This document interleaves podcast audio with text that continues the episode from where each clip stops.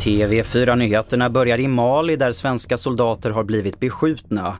Inga svenskar skadades, skriver Försvarsmakten i ett pressmeddelande.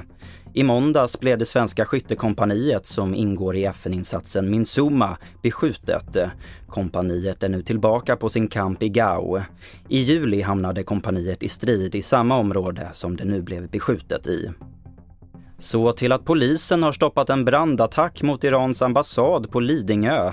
En man är gripen misstänkt för förberedelse till mordbrand. Mannen stoppades precis vid ambassaden och en teknisk undersökning ska genomföras. Antalet förare som kör påverkade av narkotika och alkohol har ökat med 33 procent det senaste året. Det är den högsta siffran sedan 2016 enligt Tullverket. En tredjedel av de stoppade är yrkeschaufförer och enligt uppgifter från en anställd på Tullverket jobbar vissa av de utländska yrkeschaufförerna under nästan slavliknande förhållanden. Och vi avslutar med att möbeljätten IKEA hotar med att stämma skaparen av skräckspelet The Stories Closed för varumärkesintrång. Möbelvaruhuset i spelet påminner nämligen allt för mycket om Ikeas egna varuhus.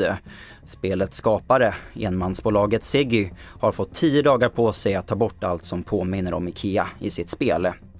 Och det får sätta punkt för TV4-nyheterna. Jag heter Albert Hjalmers.